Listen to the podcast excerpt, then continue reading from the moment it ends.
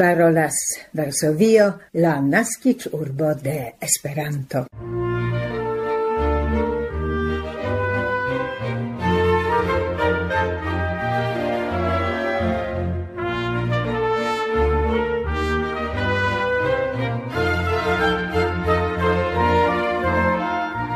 Bonvenon, gesignore, lunde la dudecan de februaro 2023 en la 1227 Esperanto el sendo de la Pola Red Radio. Salutas vin Barbara Pietrzak, Milada Szwedo, Krystyna Grochocka kaj Maciej Jaskot, proponante komence kultur cronicain informoin. Nur post la lasta el sendo atingis nin la informo pri la forpaso de konata pola esperantistino Halina Komar.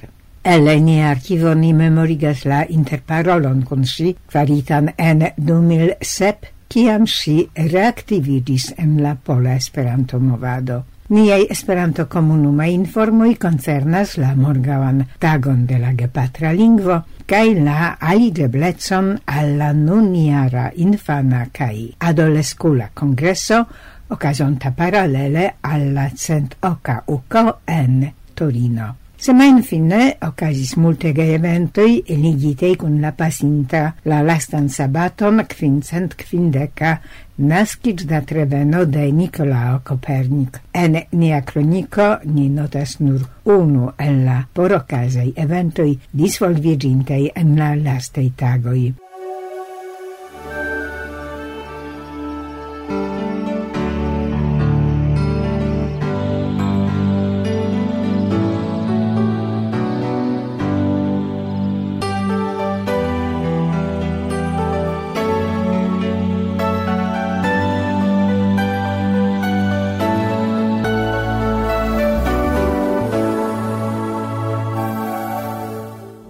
la solenadoin de la quincent quindeca nascigida treveno de Nicolao Copernic en Wroclavo, en la sudoccidenta Pollando, inauguris por ocasa expositio en la tiea universitata biblioteco oni presentas en gi la unuan eldonon de Copernic verco de Revolutionibus Orbium Celestium, cae ankaŭ vercoin de Ptolomeo, Galileo, Johannes Kepler cae Jan Hevelius. En Wroclavo trovigas tri originalai exempleroi de la unua eldono de la epokfara verco de Nicolao Copernic, du en la collectoi de la biblioteco mem cae unu el Nacia Instituto Ossolineum.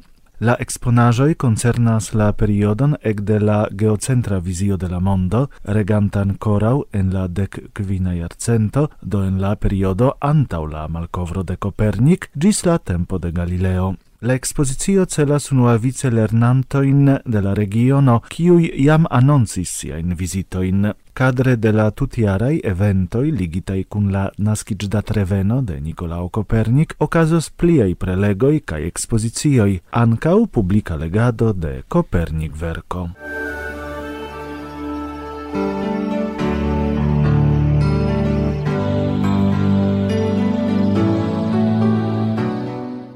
Museo de Memoro pri Siberi Exiloi funkciigis retan portalon, en kiu krom publicaj kaj popular-sciencaj artikoloj troviĝas aparta sekcio Fotomisteroj. La Bialistoka centro tiel kompletigas kaj identigas informojn pri la fotitaj personoj. La esploristoj de ĉi tiu fako ne multon scias mem pri iliaj fotoherooj, Quelquefoie estas conata sole nomo el unu el la fotitai personoi, quelquefoie dato cae loco kie la foto estis farita. Tre rapide, dank al la helpo de la retei visitantoi, familianoi de deportitoi, oni identigis iuin nomoin, kio ebligis conatigi cun la viv historio de iui el ili, cae aciri pliain documentoin al ili rilatain. Tia decifrado de foto estas grava por historiistoj, kiuj povas konatiĝi kun la sortoj de la deportadoj, pliaj eventoj kaj sortoj de la deportitoj. Ofte al la muzeo venas demandoj de nepoj kaj pranepoj de la exilitoj pri sortoj de konkretaj personoj deportitaj al Siberio.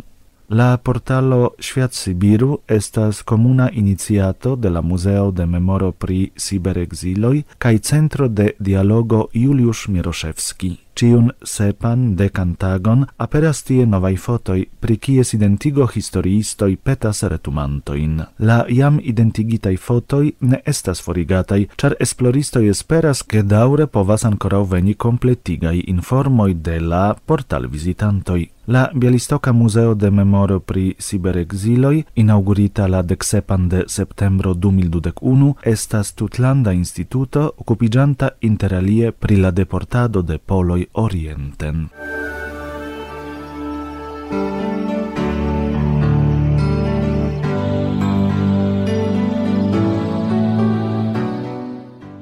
En 2010 creigis la firmao Gdanska Mon Emisiejo. La kunlaboranta kun la Nazia Pola Banco kai Pola Mon Emisiejo, gi tenas kunlaboran kontakton ankau kun Perth Mint, Royal Australian Mint, Royal Canadian Mint. Gia misio estas disvastigado de collectista pasio, kiu ligigas kun la investado en arton en socitan per noblai metaloi. En 2022 la Gdanska Mon Emisiejo eldonis la kolektistan serion, kiu referencas al la vivo kaj kreado de Stanisław Lem. La serio estas vendebla en kvar variantoj. La Monero Solaris kun la valoro de dec euroi estis produktita en la eldon kvanto de 2000 exempleroi. Sur gia reverso estas presentita la finsceno el la plei fama romano de Stanisław Lem. La averso presentas adaptajon de grafiko de Daniel Mrus la dua du unza varianto LEM, ancau en la eldon quanto de 2000 exempleroi, presentas profilon de la verkisto lau foto el la sesdecai iaroi. Sur la averso trovigas fragmento de figuro por la romano Ciberiada, lau la desegnajo de Daniel Mrus.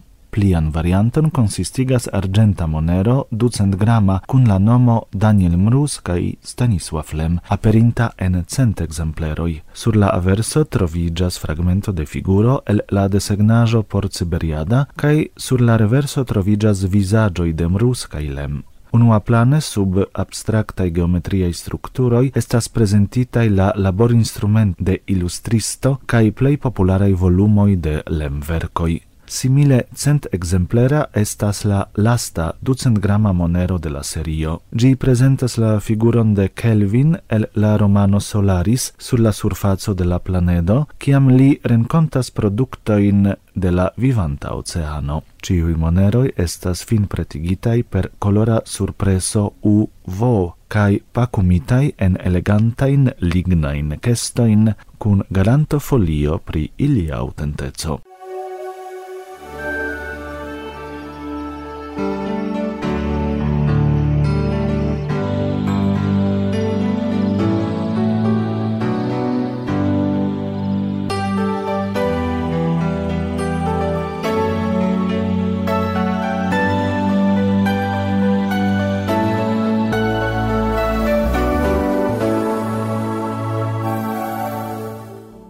Varsovio daurigas la Esperanto-elsendon.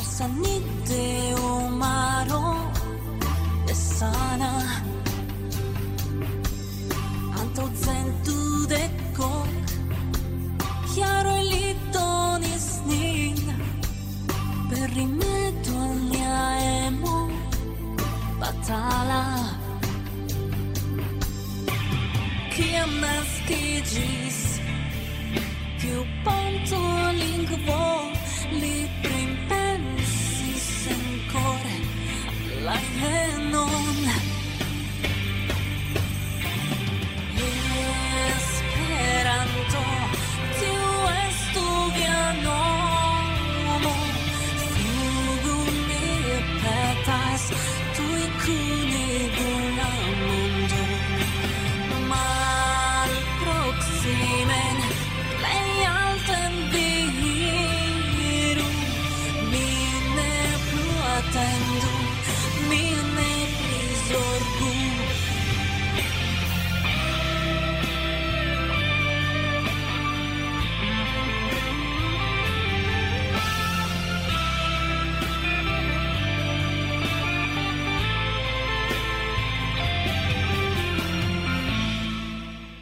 la fragmenton de la canzono Esperanto, tiu estis via nomo, cantis Cristina Casella.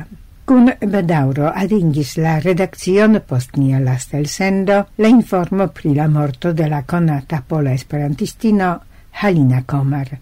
El nia archivo ni proponas adiaue interparolon con si el 2007 kiam si reactivigis en la pola Esperanto-movado.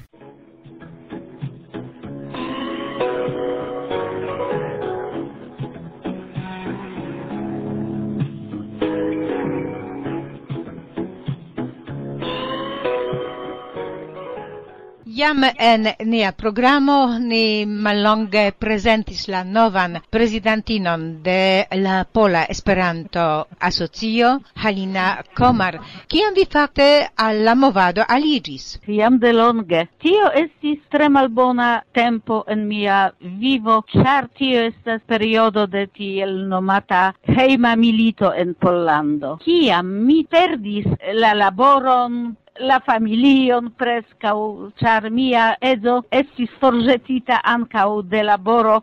Cio estis por mi tiom malbona, mi ec ne havis ŝancon ie ain labori agi. Do, eble pro tio, Esperanto tui igis en mia vivo tiom grava. Mi trovis hazarde la informon pri la curso. Mi havis bonegan instruiston, profesoron Grela, eh, Nowy Sącz, Li havis multe da tempo, ancau esis forgetita de laboro kiel instruisto en meza lerneo Do ni havis multe da tempo. Li ne nur instruis min pri la lingvo, sed ankaŭ pri la ideoj. Poste diversaj kondiĉoj, familiaj, profesiaj, malhelpis mian agadon kaj mi devis fari pauson. Kaj mi poste revenis al Esperantujo post emeritigio. Ciam vi ne povis active ligi vin cun l'esperanto movado, pri cio vi occupigis? Mi sercis diversain occupoin cae Ec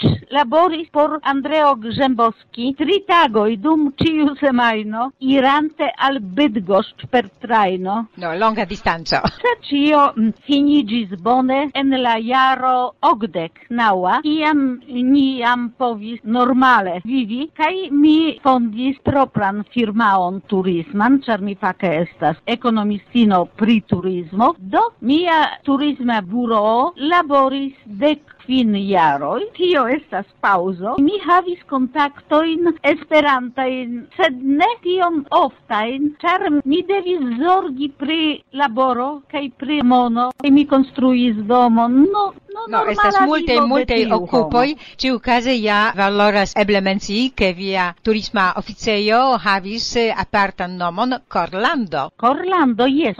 Ĉar mi tre amas nian regionon. Tiu Corlando estis la nomo pri la regiono, kiu estas tiom bela kaj tiom gastigema, kaj la homoj ĉi tie loĝantaj estas extraordinarai. Ili estas laboremai, sed ancau capablai, ancau entusiasmai, cae gastigemai. Do pro tio mi donis la nomon Corlando, ĉar de comenzo mi logis al nia regiono cae poste mi iam komencis ancau sendi eksterlanden. Tiu profesia aktivado finidis, cae poste vi revenis al la movado. Pri kio vi okupiĝis giuste kiam viam havis tiu meblecon? Mi tu tui komencis serci shat occupoin. Tion, kion mi shatas, do mi volis tion fari. Unue, mi komencis lernadon kiel studentino de Universitato de Tria Agio, kai mi tui revenis al nia klubo, kai nia klubo esperantista jam preskaŭ ne existis, char estis nur kelkaj personoin, kelkaj personoi kiuj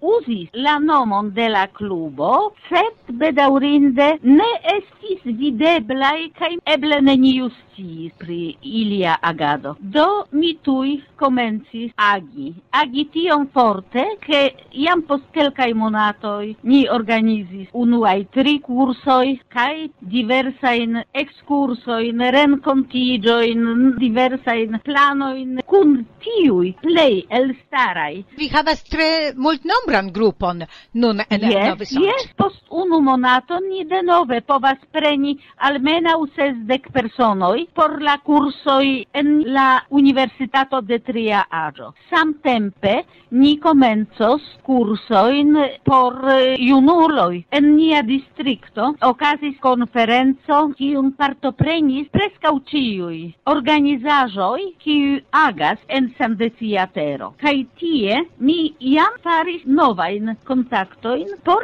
enkonduki Esperanton Tio estas ege grava, sed mi pensas ke ni interparolante kun vi absolute ne povas prisilenti la fakton, ke dank al vi jam la duan fojon povis okazi podia diskuto traktanta la lingvajn demandojn kadre de unu el la plej gravaj en ĉi tiu regiono en la centra orienta Eŭropo, aranĝo kiu estas la ekonomia forumo, ĉi parte sukcesa pro la fakto ke partoprenis ĝin ankaŭ profesio professoro Reinhard Zelten, kiamaniere entute vi ekhavis la ideon ke Esperanto estu ankaŭ prezentita kadre de tiu ĉi aranĝo kiu havas nenion komunan kun Esperanto?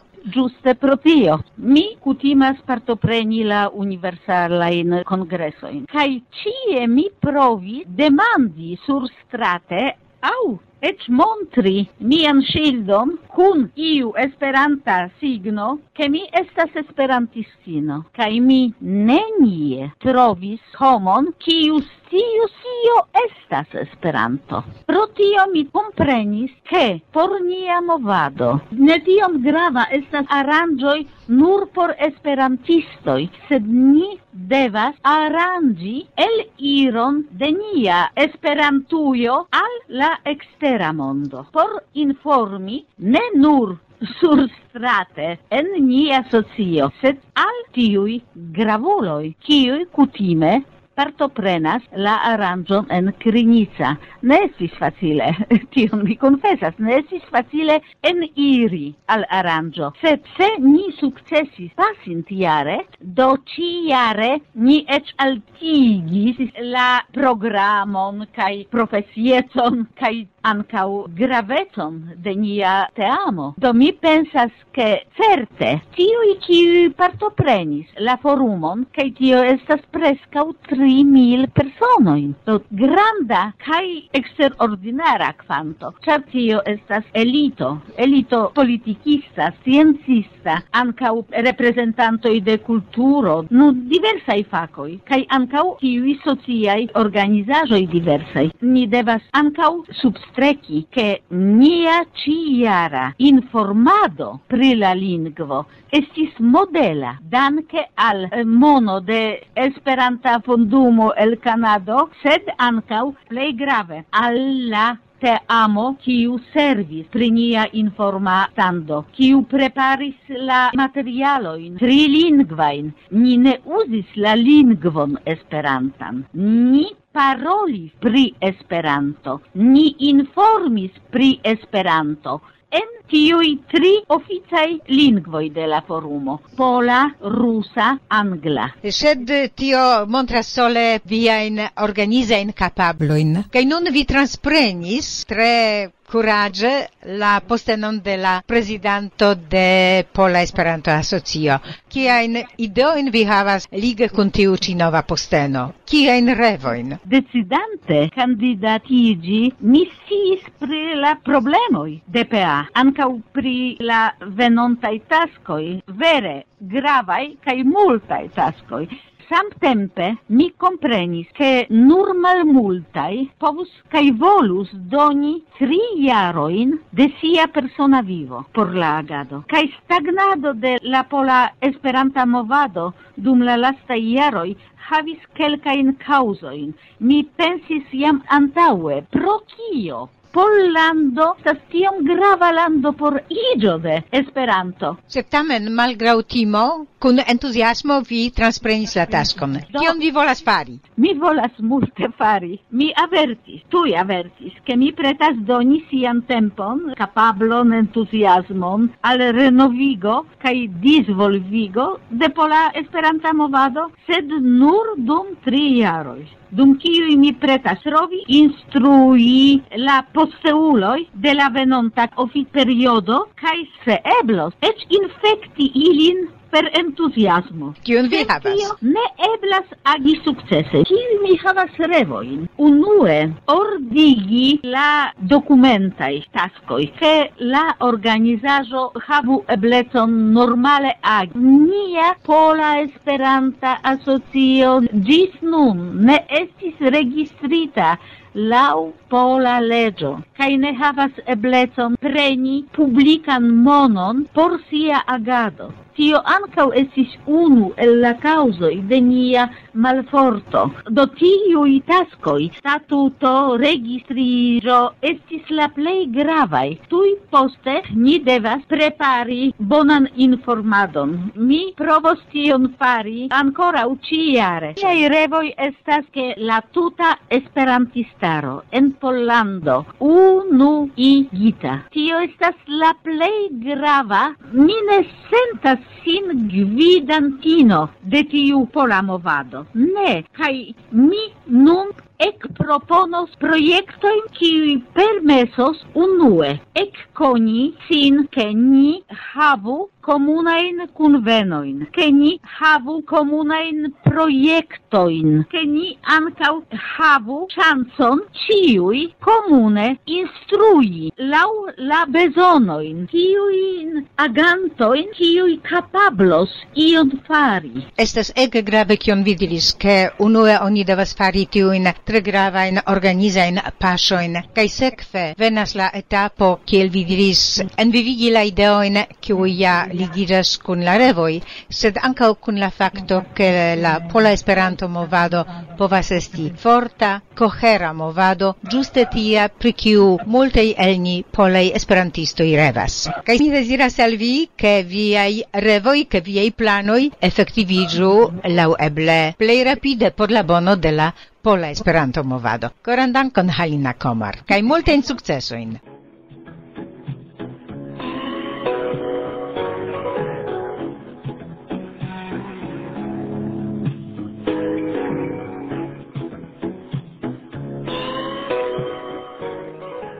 Parolas Pola Retradio en Esperanto.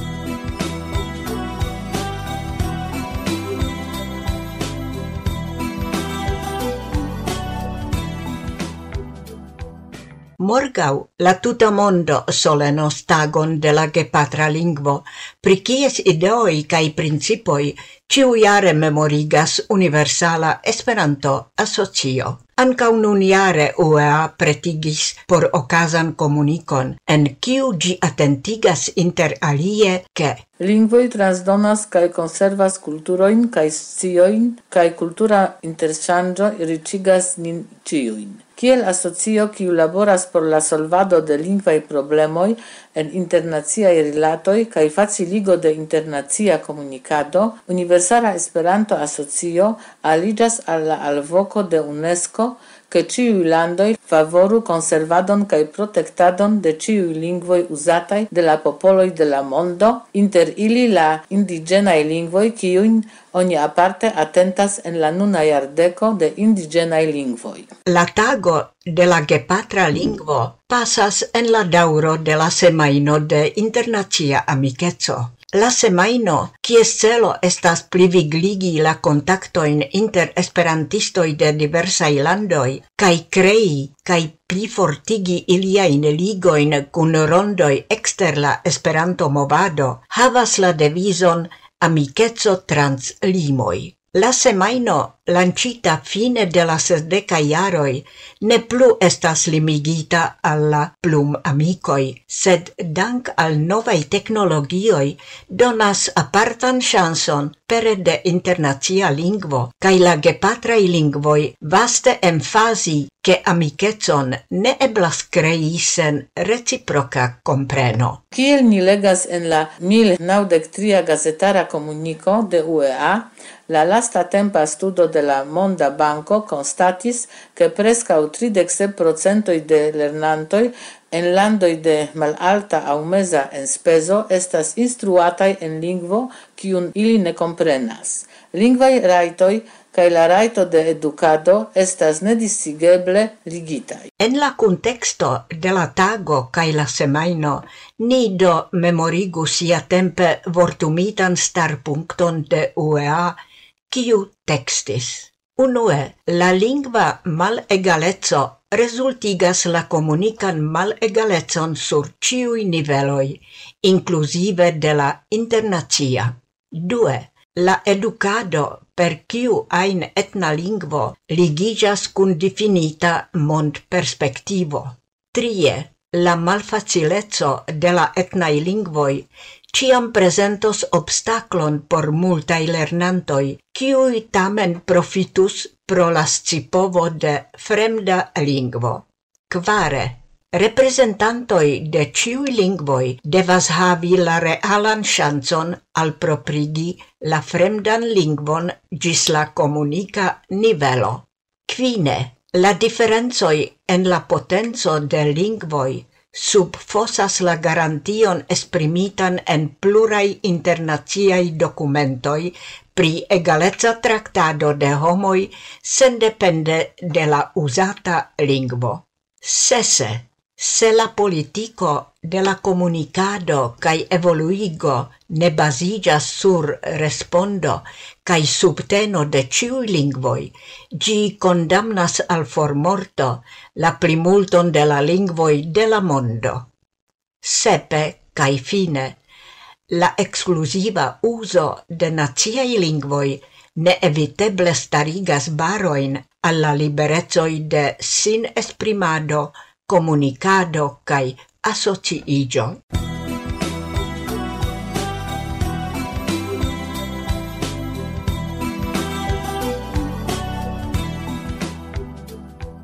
Paralele alla cent oca uco en Torino inter la dudegnaua de julio cae quina de augusto 2023 ocasas la quindec unua internacia infana congreseto mese de la parco La Mandria apud Torino. Gia temo estas sporto cae naturo. La programo favoras amuziĝon de la infanoj kaj instigas paroli Esperanton en la natura medio. Ocasos ludoj kaj sportumado, naturscienzai atelieroj kaj biciklado. Eblos dedici tempon al manlaboroj kaj kantoj.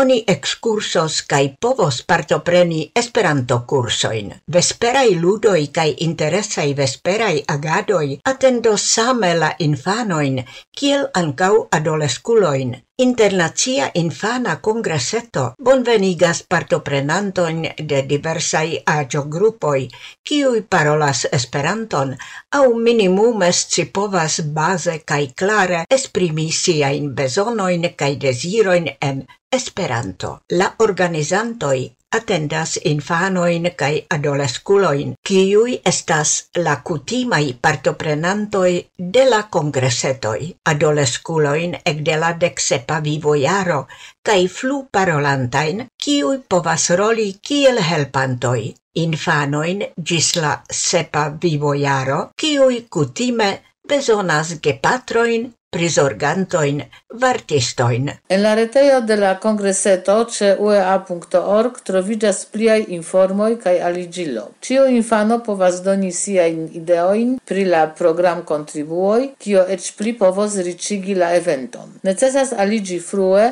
char la unua speciala aliĝ periodo pasos iam fine de februaro.